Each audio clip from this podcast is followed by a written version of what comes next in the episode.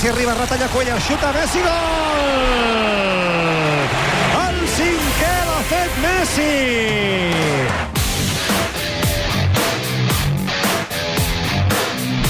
Torn al futbol de primera divisió, torn pel l'Espanyol aquest migdia, torn pel Barça aquesta nit, ben entrada la nit, a les 10. Ricard Torquemada, bon dia i bona hora. Bon dia, Roger. Com estem? Molt bé. Jordi Puntí, l'estudi de Catalunya Ràdio. Com està, Jordi? Molt bé, què tal? Com Molt va? bé, i tu? Bé, bé, content de veure't. Per En fi, directe. per fi. I la Sònia Gelmà aquesta setmana també ha tornat a l'estudi amb el Tot Costa. Sònia, com estàs? Hola, bon dia. Sí, sí, vam tornar ahir, a més, amb horari ja habitual i ja a partir de dilluns de 7 a 9 cada dia. El Tot Costa de 7 a 9 també, um, perquè torna la Lliga torna a la normalitat, eh, que és una mica estranya, aquesta normalitat. Ara el Puntí m'explicava, escolta'm, no, no, m'he tret eh, la droga futbolística i ara no sé tornar a mirar sí, partits. Sí, sí, jo tinc una mica aquesta por. És in, intentar imaginar-me. Imagina't que de cop ens diuen que per qüestions d'aquestes ningú pot fumar. Durant tres mesos ningú pot fumar, s'ha acabat el tabac, no hi ha cigarretes, no hi ha tabac, i de cop aquells tres mesos, hosti, serveixen perquè molta gent deixi de fumar. I llavors, jo tinc una mica la impressió focalitzada en mi, eh? però jo crec En que... tres mesos les en ganes general, de fumar no se't treuen, eh, Puntí? Ja, bueno, jo és que no he fumat mai, però era, era una comparació, per entendre'ns. I aleshores crec que ara el que ens passarà és que ens haurem de reacostumar al futbol. N'hi haurà que s'hi acostumaran molt, molt ràpid, avui mateix i tal. N'hi ha que ens, potser ens costarà més, també perquè no ho facilita la situació. És a dir, no, estem torna, no tornarem a veure el futbol en tota la seva esplendor, sinó que hi ha una sèrie de qüestions que, que fa que sigui com una, un retorn eh, ralentitzat, no? Com bueno, això que no hi hagi públic, el, els mesos aquests sense jugar, les sensacions, en podem parlar, suposo, les sensacions de, de retrobar un equip que no és exactament aquell entusiasme de la novetat de quan comença la temporada, sinó que tot té un aire una mica revellit, no? reblanit, fins i tot, de, de galeta aquella que ha estat massa temps a dintre l'armari, no sé Pensida. com dir-ho, no? Pensida, sí. Mm. Bueno, Uh, Torque, com ho vius tu? Home, doncs, eh, el Jordi que posi la ràdio, si no, si veu que li costa, que li costa mirar-lo, potser, potser escoltar-lo. No, s'entén perfectament, no? És, és el que ens està passant a la vida, en, en general, no? Exacte. Que tot no podem córrer, que hem de tornar a acostumar-nos a les coses que, que ens agradaven, i sempre hi ha aquest punt d'incògnita i de dubte. Jo, a mi, jo també el tenia, eh? T'he de dir que quan vaig posar a veure el Sevilla-Betis, la veritat és que el partit em va sorprendre, perquè vaig recuperar de seguida la relació amb el, amb el futbol. I no m'havia passat tant amb la Bundesliga, eh? que, que tot i que eh, ens havia servit d'aperitiu, sí que havia tingut alguna eh, sensació estranya de dir mm, m'atrap, no, no m'atrapa del tot. No? Ja no t'explico el confinament. Jo vaig eh, deixar de veure futbol perquè vaig adonar-me'n que no que no em venia de gust. Eh, eh, jo crec que és el primer cop que m'ha passat a la, a la vida. Exacte. I, I és veritat que, que en, el meu, en el meu cas, de seguida que vaig veure eh, el partit de dijous, eh, em van tornar a venir les ganes, però ens enfrontem a una situació nova. Ja no t'explico des del punt de vista de la narració, Explica-ho, això, explica-ho, explica-ho. Sí, sí, perquè és molt interessant. Com ho fareu, Ricard? Doncs mira, avui ho farem des de, des de l'estudi de Catalunya Ràdio, perquè com a visitants no ens permeten l'accés a Som Moix. Eh, s'han decidit, la Lliga ha decidit que siguin sis ràdios, una persona per ràdio, però cinc ràdios d'àmbit espanyol i, un àmbit, i una ràdio d'àmbit autonòmic i local, el que eh, aprofito aquí per, per eh, fer una crida de suport a totes les ràdios locals i autonòmiques que, per exemple, no poden eh, fer la seva feina amb normalitat. Eh, estic Camp Nou parlant- passarà el mateix? Sí, el que passa és que al Camp Nou eh, podrem entrar perquè serem, diríem, de casa, eh, perquè ens entenguem. Però, clar, les ràdios d'àmbit espanyol, com que són de casa sempre, vull dir, juguin on juguin, tenen aquest avantatge. En canvi, nosaltres tenim la condició de visitant. I t'ho dic perquè, per exemple, com que només hi ha una d'àmbit local i autonòmic, hi ha zones d'Espanya, per exemple, Andalusia, amb el Sevilla i el Betis, o, per exemple, Ràdio Vilareal és una ràdio històrica amb el Vilareal que ha fet partits de segona B i que, per exemple, no podrà entrar ni a casa, perquè a casa només n'hi podrà entrar una. A València hi ha moltes ràdios locals que estan tenint problemes eh, fins i tot per tirar endavant la tornada per justament no poder fer els partits. Ja s'entén que el procés ha de ser, diríem, progressiu, però que afecta sobretot a les ràdios locals, que sempre són les ràdios que, que paguen i volia fer aquest eh, recordatori. Mentrestant, doncs, avui farem una transmissió de la TDT absolutament nova, des de als estudis intentant estar a l'alçada eh, del que mereix Catalunya Ràdio. Mira, de fet, nosaltres avui el suplement sempre el fem des de l'estudi de Catalunya Ràdio, que és el que normalment veieu. He, he vist l'entradeta teva, ja t'he vist desplaçat, eh? Ah, sí, eh, deixa'm situar els oients. Normalment l'estudi de Catalunya Ràdio és el que toca diagonal amb Beethoven, que ens veieu quan passegeu pel carrer. Doncs avui us parlem des de l'estudi 5, um, que és un estudi també fantàstic des d'on es fan molts partits de futbol, però què passa? Doncs que amb el coronavirus uh, no es poden solapar programes dins d'un mateix estudi per un tema de Clar. Desinfecció, i com que avui l'Espanyol juga al migdia i a l'hora que s'acaba el suplement comença l'Espanyol, doncs ens hem d'anar distribuint per diferents estudis. Per això avui el suplement el fem des d'aquest estudi 5. I, I la TDT, Roger, es farà una part a l'estudi 5 i una part a l'estudi 1, perquè clar, com que nosaltres som normalment una part desplaçats i una part a casa, avui ens haurem d'ajuntar tots, no hi cabíem a un estudi, per tant n'utilitzarem els dos. Mm -hmm. Doncs aquestes són algunes de les novetats també que ens porten a, a nivell de dia a dia, de quotidianitat, de treballar uh, aquí a Catalunya Ràdio. Uh, Sònia, un partit amb, amb algunes baixes pel Barça, però amb una convocatòria, vaig veure, llarguíssima. Hi havia tres o quatre jugadors que ni coneixia, pràcticament. Clar, saps què passa? Que uh, s'han pres una sèrie de mesures uh, per aquest calendari tan comprimit i una d'elles és que els entrenadors poden convocar fins a 23 jugadors. I mm, t'haig de dir que jo personalment crec que mm, és fins i tot del excessiu que Setién s'endú a Mallorca tres porters. Que dius, home, si marxes i viatges avui i tens... Eh, el porter suplent ja és difícil que arribi a jugar, però entenc que el tinguis a la banqueta. Però el tercer porter, eh, estalviat aquesta plaça d'avió i d'hotel.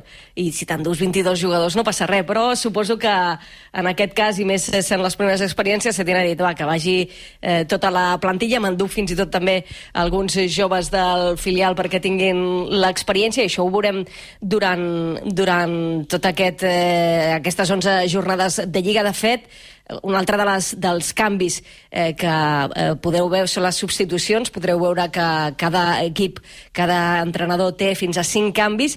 I m'he fixat justament en què havia passat en aquests tres primers partits de Lliga que ja s'han disputat i t'haig de dir que els entrenadors ho estan utilitzant molt, perquè s'han fet 28 dels 30 canvis possibles en aquests partits, és a dir, que 4 dels 6 entrenadors han esgotat els eh, 5 eh, canvis, que això a la Bundesliga ja ho estàvem veient també que, que passava, i ha estat una de les eh, polèmiques de la setmana, perquè clar, aquí cadascú s'ho mira des del seu prisma, i Setién, que s'imagina partits tancats, que arribes al minut 70, que encara vas a empat a zero, però que l'equip contrari ja es va desgastant i penses, clar, ara podrà introduir fins a dos jugadors més. És que, clar, que tu en un equip d'11 tu puguis arribar a canviar 5 homes, vol dir que pràcticament el teu equip arriba fresc a final de partit.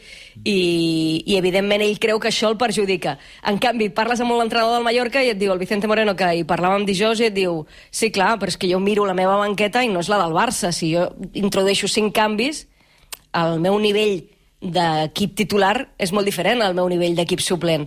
I aleshores, si introdueixo cinc canvis, em baixa el nivell general de l'equip. I serà una de les... A més, una de les curiositats eh, que, que, que em ve de gust veure tant en el Mallorca-Barça d'avui com en la resta de, de partits, perquè a mi, a diferència del, del puntí, estic més en la línia del Torquemada, que accepto que això és un futbol a mitges, perquè no hi ha el públic, que em va deixar molt fred a l'inici de la Bundesliga, però que ja la que ja vaig veure el derbi andalús ja va ser una altra cosa. I avui me'ls miraré tant l'Espanyol com el Barça amb, amb un altre interès. Puntí. Clar, jo la Bundesliga ja no l'he ni mirat. O sigui, la, No no? jo estic en la fase Bundesliga, ara. O sigui, ahir vaig veure, o abans d'ahir vaig veure una estona del, del Sevilla-Betis i, eh, i vaig dir, bueno, sí, val, té gràcia. A més a més, la, la retransmissió que mirava i anaven posant un públic fals, com una mena de, de, de reixeta. Que, que Et va agradar això?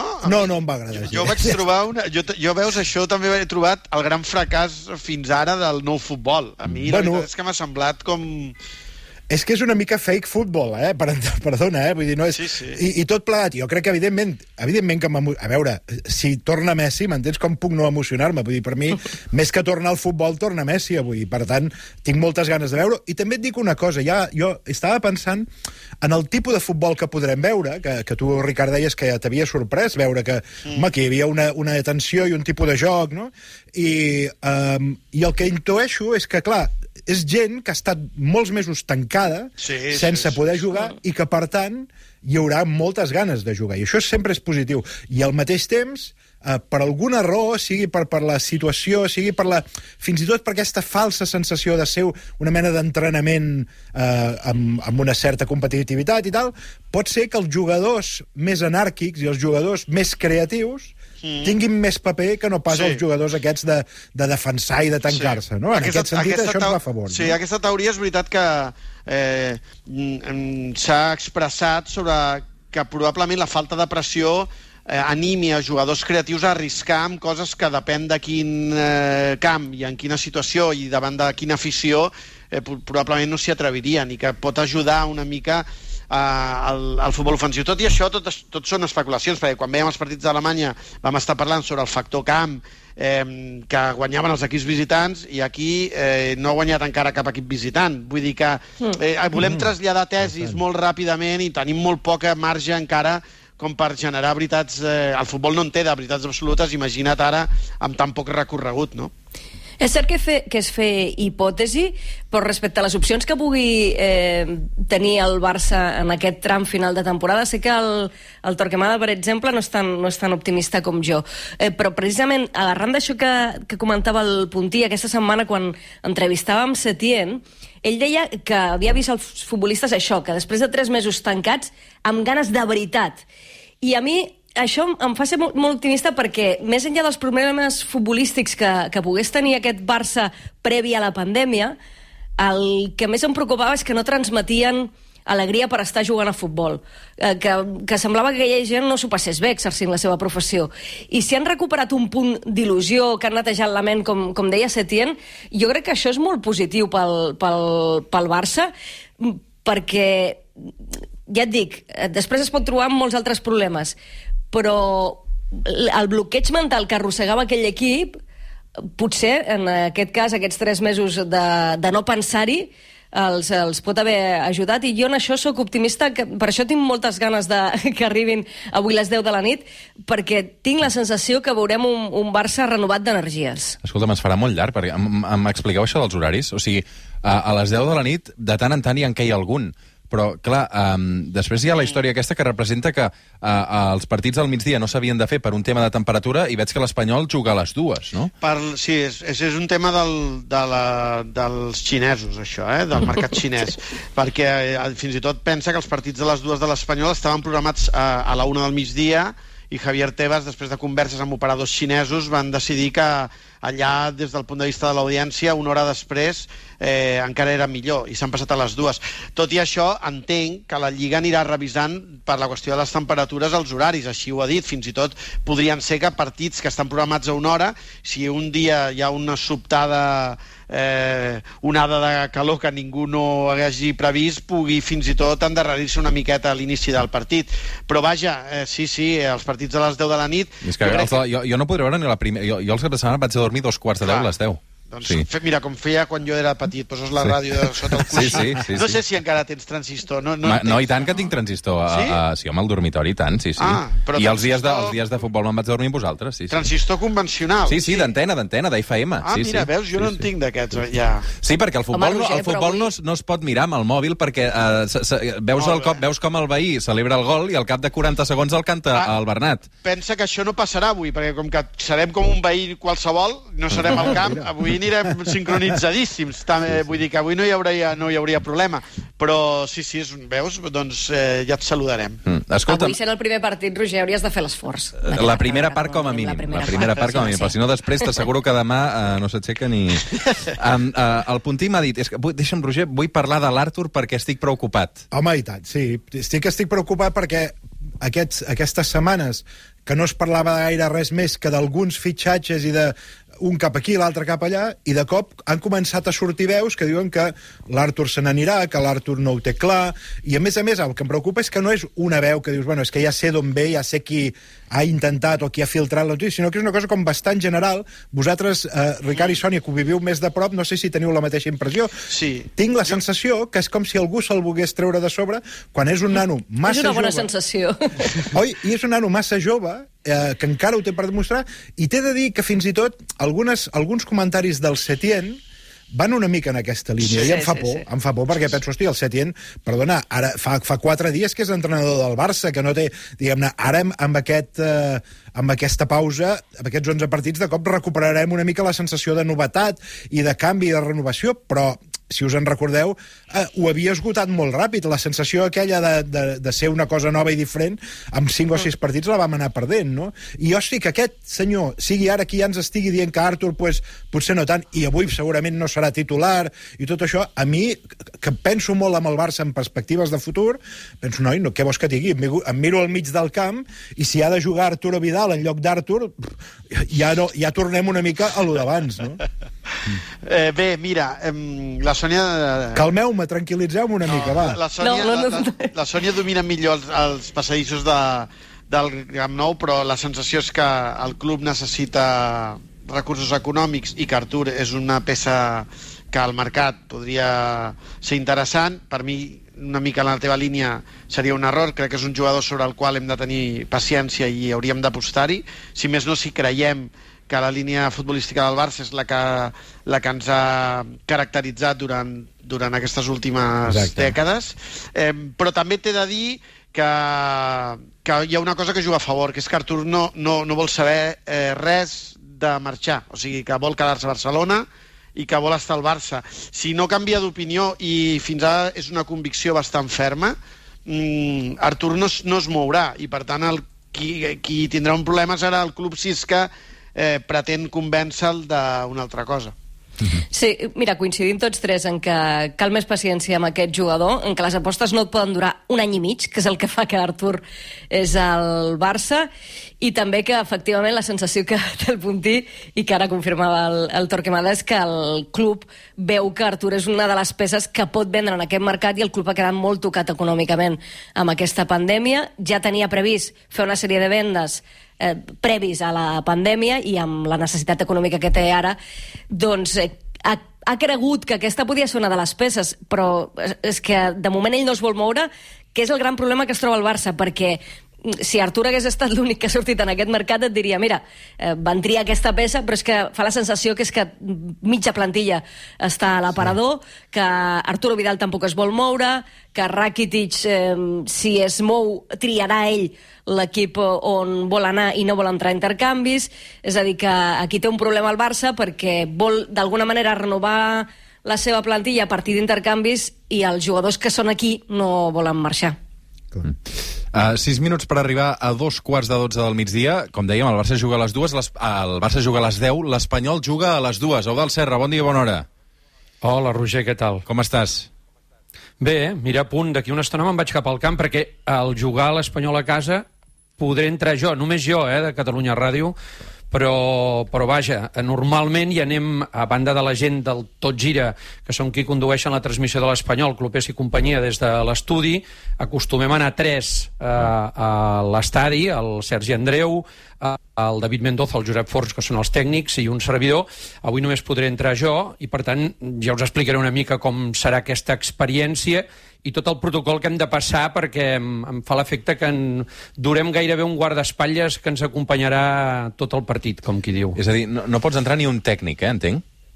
No, no, eh, al final han arribat a una decisió a la Lliga eh, que és que hi haurà dos tècnics que aniran rotant en funció de les emissores, per exemple, avui, si no recordo malament, són un de Ràdio Nacional i un altre de la COPE, que donaran assistència tècnica per si algun dels eh, periodistes que som allà tenim algun problema tècnic, eh, ens el puguin resoldre. Però no podrem fer allò de que eh, cada emissora eh, dugui el seu tècnic com fèiem habitualment. Mm -hmm. O sigui, solidaritat entre emissores, com a mínim des de l'aspecte tècnic. Um, Eudal, pel Sí, que fa... em, Digues, digues, digues. No, anava a dir que el, mm, el control, per exemple, hi hem de ser-hi... A a les ràdios entrarem a una hora, els mitjans escrits entraran eh, una altra, i els fotògrafs i, per exemple, gent de televisió sense drets també anirà tot esglaonat, allà ens prendran la temperatura, crec que volen eh, fins i tot netejar els equips tècnics que duem, etc etc. I una altra cosa curiosa Sí que- és que quan acabi el partit tenim 10 minuts per marxar. És a dir, als 10 minuts d'acabar el partit hem de ser fora de l'estadi. Amb la qual cosa jo faré el postpartit segurament des del pàrquing, eh, perquè si no, no... Déu-n'hi-do, quina moguda. Eh, farem salat, Escolta, vaja. i, i, amb, I amb tot això que has de fer i tots aquests protocols, potser que hi vagis tirant, perquè el partit és a les dues i... i Sí, el que i... passa és que una hora i mitja abans, fins una hora i mitja abans, no podem entrar. Els primers que ho podem fer són ràdio i el protocol que ens envia la Lliga és entre 90 minuts i una hora abans del partit podem accedir les emissores de ràdio. A partir d'una hora, crec, ara t'ho estic dient així de memòria, crec que són fotògrafs i, i televisió, i crec que l'última mitja hora, tres quarts abans de començar el partit, ho poden fer els companys de, de diaris. Eudal, un espanyol que necessita guanyar sí o sí eh, a casa contra l'Alavés, no? Sí, ho té, ho té difícil, eh? no ens hem d'enganyar. Una mica, com explicaven abans la Sònia el Ricard, eh, l'Espanyol també crec que li ha anat bé la- l'aturada, perquè va arribar eh, aquesta aturada a la Lliga molt bloquejat, eh, mentalment molt tocat després d'haver perdut el camp de l'Ossassuna i el camp del Valladolid, per exemple, i jo crec que li haurà anat bé. Ara bé, eh, de 33 punts que queden en joc, l'Espanyol mínim, mínim n'haurà de fer 20. I és clar, un equip que fins ara només ha fet 20 punts, de més de 80 en joc, és complicat, però bé, um, és, és el que té. Té el repte aquest de cada 11 partits, per anar bé n'hauria de guanyar 7. És molt complicat. Uh -huh. um, doncs avui us sentirem uh, a partir d'aquest migdia i sobretot també a partir d'aquesta nit uh, perquè torna el futbol a Catalunya Ràdio, primer l'Espanyol, uh, després també el Barça. Uh, gràcies, companys, per haver-nos acompanyat. Eudal, una abraçada, que vagi molt bé. Molt bé, fins ara, adeu. Una abraçada. Sònia, Ricard Torquemada, uh, Jordi Puntí, gràcies a tots tres. Que vagi bé. Salut i A futbol. vosaltres. Adéu. Adéu, adéu, ens sentirem.